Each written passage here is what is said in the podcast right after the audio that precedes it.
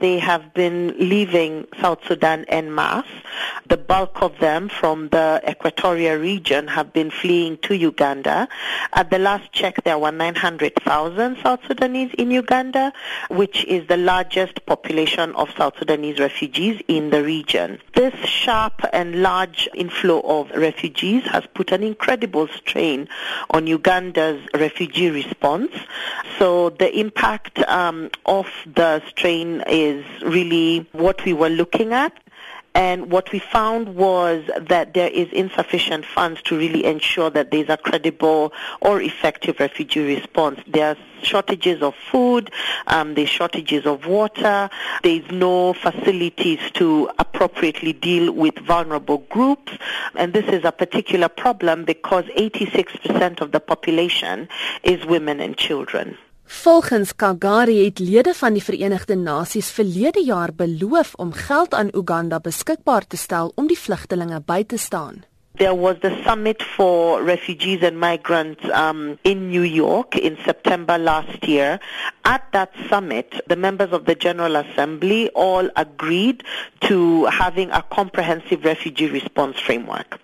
This framework is being led by the UN, and Uganda is a core part of the key country situations the international community themselves committed to being responsive and dealing with these issues holistically. And yet, what we are seeing now, several months later, is a dire situation, and yet the appeal for funding for supporting the refugee response was only 18% funded. Sy sê saam kan die internasionale gemeenskap 'n verskil maak. Really what we are calling for is the international community to step up to the plate and live up to their own promises. Um, it's quite clear that without consistent and appropriate support in terms of funding, Uganda is not going to be able to implement its approach to refugee response.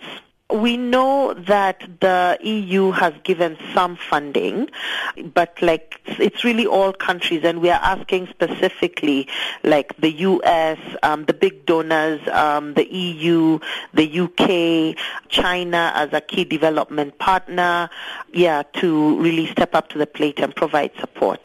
The appeal is over 1.4 billion US just until the end of this year.